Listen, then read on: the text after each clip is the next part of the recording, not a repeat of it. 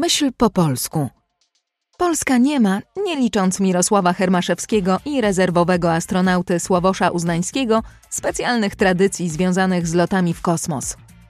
Mimo to wciąż powstają inicjatywy, które mają to zmienić.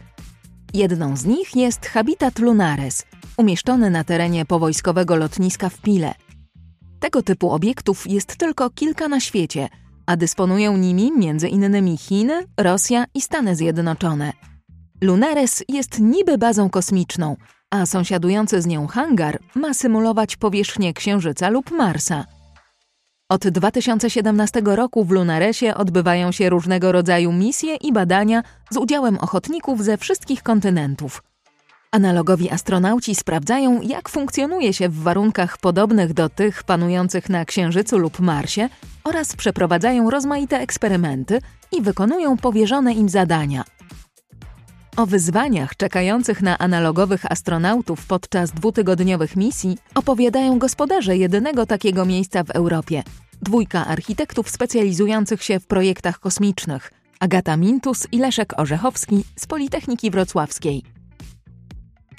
Lunares, e, to już na samą nazwę możemy sobie wytłumaczyć. Luna, Luna i Ares, Księżyc Ares. i Mars. Jest to tak zwany habitat analogowy, czyli e, placówka zaprojektowana do przeprowadzania symulacji e, związanych z załogowymi misjami kosmicznymi. Czyli tutaj przyjeżdżają osoby na parę tygodni, osoby, które są tak zwanymi analogowymi astronautami i izolujemy je w takim właśnie scenariuszu tym na przykład przypadku księżycowym i to jest taka platforma badawcza, czyli podczas takiej symulacji te osoby nie prowadzą swoje badania, to one są obiektami badań, czyli lekarze, psychologowie używają danych z interakcji między tymi ludźmi, którzy są tylko tutaj odizolowani i żyją w tym takim innym scenariuszu i tak naprawdę każdy element tego miejsca jest, może być wykorzystany do badań. Przymiotnik analogowy to trochę jakby znaczył słowo niby, prawda? Trochę niby, trochę... Trochę naprawdę. Trochę naprawdę, bo izolacja i przeżycia tych osób są jak najbardziej bardziej prawdziwe, jeżeli chodzi o to, co się dzieje na pokładzie między tymi osobami, ale na niby jesteśmy w kosmosie. Niektóre... Czyli nie ma tutaj urządzeń antygrawitacyjnych? Nie, faktycznie grawitację mamy normalną, ciśnienie mamy normalne, ale wszystko symulujemy, czyli jakbyśmy chcieli stąd wyjść, a w tej placówce, gdzie ludzie są zamknięci przez te parę tygodni nie ma okien, to oni tutaj pracują, śpią, jedzą. A jak chcą wyjść, to muszą założyć symulowany skafander kosmiczny i wyjść do hangaru, gdzie symulujemy spacery kosmiczne. Czyli nawet jak chcą wyjść, to dalej są odizolowani, są zamknięci i nie widzą tak naprawdę, gdzie się znajdują. A kto może być e, gościem tego ośrodka, takiej bazy? Często tutaj przyjeżdżają naukowcy z różnych instytucji, uniwersytety tutaj wysyłają swoich naukowców czy sprzęty, żeby osoby tutaj zamknięte mogły je e, przetestować, ale też to są osoby, które marzą o tym, żeby na przykład polecieć kiedyś w kosmos. I my, co prawda, nie trenujemy prawdziwych astronautów, ale takie doświadczenie czasami pomaga w przygotowaniu się do prawdziwych wyzwań, bo to jest jednak ekstremalne, ekstremalne przeżycie. Zamknięcie z e, pięciorgiem innych osób na takiej małej przestrzeni i już tak naprawdę dwie osoby, które marzyły o tym, żeby polecieć w kosmos, poleciały, e, tak? Poleciały, tak. I dwie, e, dwie kobiety, e, dr Cian Proctor, która poleciała kapsułą Dragon w zeszłym roku na, na orbitę 500 km, trzy dni orbitowała Ziemię z misją Inspiration 4, no i w tym roku Sara Sabry, pierwsza egipcjanka w kosmosie, poleciała na rakiecie Jeffa Bezosa. I jej wcześniejszym, jedynym doświadczeniem takim aeronautycznym właśnie był Lunares. Tak, była, był Lunares, gdzie była odizolowana lutym 2021, czyli no, półtora roku temu. Czyli jak y, ci ludzie są tutaj zamknięci, to oni tutaj muszą się sami wyżywić. Oczywiście mają jakiś zapas jedzenia, czy muszą się żywić tym, co sobie wyhodują w laboratorium? Robią badania odnośnie uprawy e, żywności, ale w dwa tygodnie nie, no nie, nie wyhodujesz tyle żywności, żeby e, nawet na koniec zrobić sobie porządny posiłek. Może zrobisz małą sałatkę z tego, co tam wyrośnie. Więc oni są tu zamykani zasobami na całą, na całą tą izolację. Czy to chodzi o wodę, czy to chodzi o pożywienie. To też jest część badań, więc na przykład to pożywienie zależy od tego, jakie obecnie są prowadzone badania. Od dwóch lat współpracujemy z Pomorskim Uniwersytetem Medycznym, gdzie to są badania stomatologiczne i dietetyczne, więc w zeszłym roku mm, analogowie astronauci jedli tylko jofilizaty, żywność pozbawioną wody, którą też często występuje na stacji kosmicznej, bo tam ona jest lekka, długo przetrzyma, wystarczy dodać wody. I to były badania, jak taka e, żywność wpływa na florę, florę bakteryjną, florę bakteryjną tak. E, i, i, na biom. I, na biom, ale też na płytkę nazębną, nagrodzą się płytki nazębne i wytwarzanie śliny, a teraz po prostu... Ale wolno im było myć zęby oczywiście. No, wręcz musieli, wręcz byli uczeni jak myć zęby. To okazuje się, że nawet takie proste czynności jak mycie zębów musi być ustandaryzowane podczas takich badań. Dokładnie e, jeśli chodzi o używane szczoteczki, używane pasty do zębów, używane techniki mycia zębów, to wszystko e, stomatolodzy musieli ich przeszkolić przed misją. A teraz jeśli chodzi o pożywienie, to teraz już jest grupa kontrolna i uniwersytet z kolei nam dał listę produktów dość normalnych, które możemy kupić już normalnie w sklepach, ale które mają być właśnie jako to pożywienie typowe, bo jednak musimy mieć konkretny przykład badawczy i, i grupę, która no, odpowiada temu, do czego porównujemy. Opowiadałeś o tych badaniach. Jakie inne jeszcze badania tutaj się przeprowadzały? Bo to ośrodek istnieje 5 lat, prawda? Więc tak. tutaj parę dziesiąt, a jeżeli nie parę set ekip y, przewinęło się przez ośrodek. Póki co ich było 20, chyba już 5. W tym roku się skończy na 25. Ponad 130 osób tutaj było izolowanych przez ten czas. I można sobie wyobrazić, że jeżeli robimy takie krótkie misje, te trzytygodniowe, no tak naprawdę dwa tygodnie izolacji, tydzień treningu i my robimy je 8 razy w roku obecnie, to to jest ogromna ilość danych, które można powtarzać, eksperymenty, jeśli chodzi o badania właśnie takie stomatologiczne, medyczne, ale też z użycia zasobów, czyli jak oni z, zarządzają. Z wody. Korzystają z wody,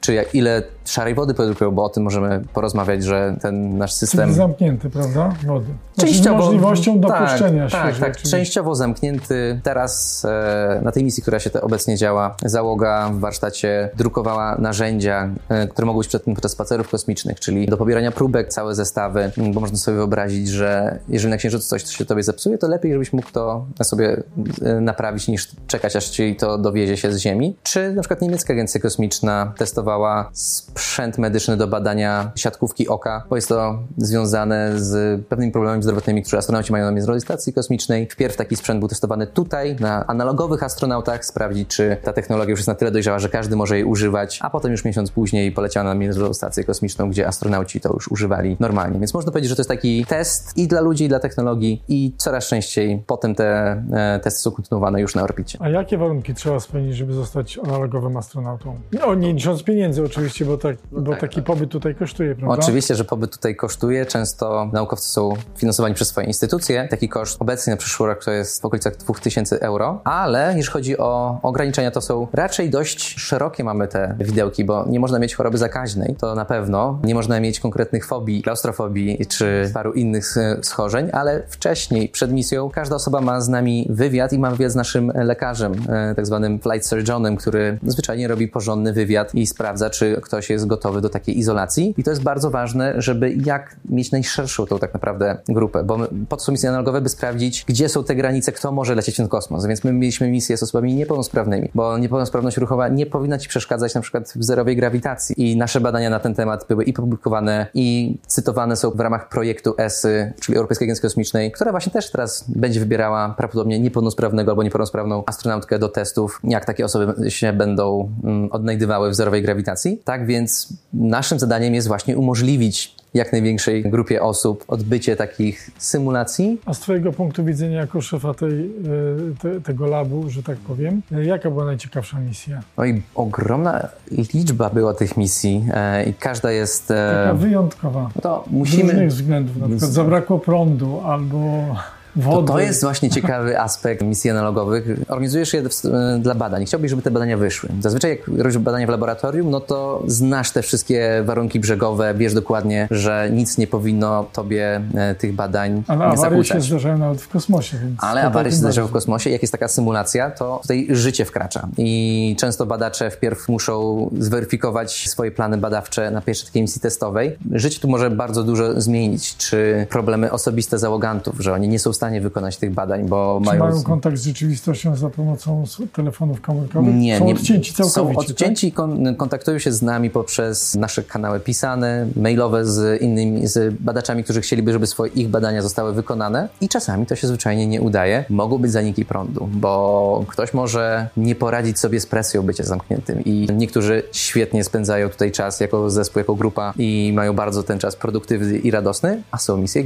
gdzie w okolicy połowy misji misji zaczynają się kłócić, to zwyczajnie charaktery się tutaj na przykład mogły nie dobrać. Tak myślę, że w 30% misji dochodzi do pewnych spięć. Nie zawsze, raczej bardzo rzadko dochodzi do takich spięć, że trzeba interweniować, ale to tylko pokazuje, że ta izolacja i ta dynamika grupy jest po prostu najprawdziwsza w świecie. Możemy symulować bycie na Księżycu, ale to, co ci ludzie przeżywają jest zwyczajnie prawdziwe. Takie scenariusze jak w filmie y, Kubricka Leśnienie nie zdarzały się, no nie? Że musieliście, znaczy to przesadzam oczywiście, ale że musieliście interweniować z zewnątrz. Na przykład zdarzyła się jakaś poważna awaria klimatyzacji czy też y, pompy wodnej. Zdarzały się takie no i na początku Historię? to się dużo rzeczy tutaj mogło zadzieć yy, różnie, e, więc teraz to ta placówka działa raczej bez, bezawaryjnie, wręcz jest troszeczkę za wygodnie i my symulujemy teraz awarię, częściej niż nie, czyli symulujemy, że jest burza słoneczna i trzeba ograniczyć pobór prądu, symulujemy, że mm, coś się dzieje podczas spaceru kosmicznego i trzeba zareagować, co też jest badaniem, jak patrząc procedur i reakcją załogi na takie wydarzenia, że coś się komuś dzieje na zewnątrz, jak jest w skafandrze, że coś się dzieje w habitacie, jak oni są na na zewnątrz i takich scenariuszy jest coraz więcej. A jakiego rodzaju dane i parametry y, monitorujecie tutaj w habitacie Lunares? A, to... Dotyczące no, samego obiektu, jak i y, ludzi. astronautów. Monitorujemy dane środowiskowe i monitorujemy ludzi. Ludzie mają na sobie zwyczaj parę mm, urządzeń, które pozwalają nam monitorować ich non-stop, czy to są... Mm, holtery jakieś? Tak, jak również smartbandy, no i to jest kwestia no, tych danych, które i dwa razy na dzień mają takie pogłębione badanie, gdzie jeszcze się bada im ciśnienie, temperaturę, wagę, jest mały wywiad medyczny oraz wywiady psychologiczne, czyli codziennie muszą około 20 stron formularzy wypełnić online szczęśliwie, papieru nie produkujemy w kosmosie. Wszędzie są kamery? Wszędzie oprócz łazienki, ale jak kogoś nie ma na kamerze, to wiemy gdzie jest. To przynajmniej w taki sposób e, możemy to e, zweryfikować i każdy jeden moduł ma cały zestaw sensorów, który nam pozwala zrozumieć, jakie są warunki środowiskowe, bo one też mają wpływ na to, e, jak te osoby się zachowują. Więc jeżeli się pokłócą albo że są markotni, to może nie jest dlatego, że to był problem z ich zachowaniem. Pełnia na przykład albo coś takiego. Za wysokie CO2 w ciągu nocy i się nie wyspali e, i to jest wina środowiska, a nie ich.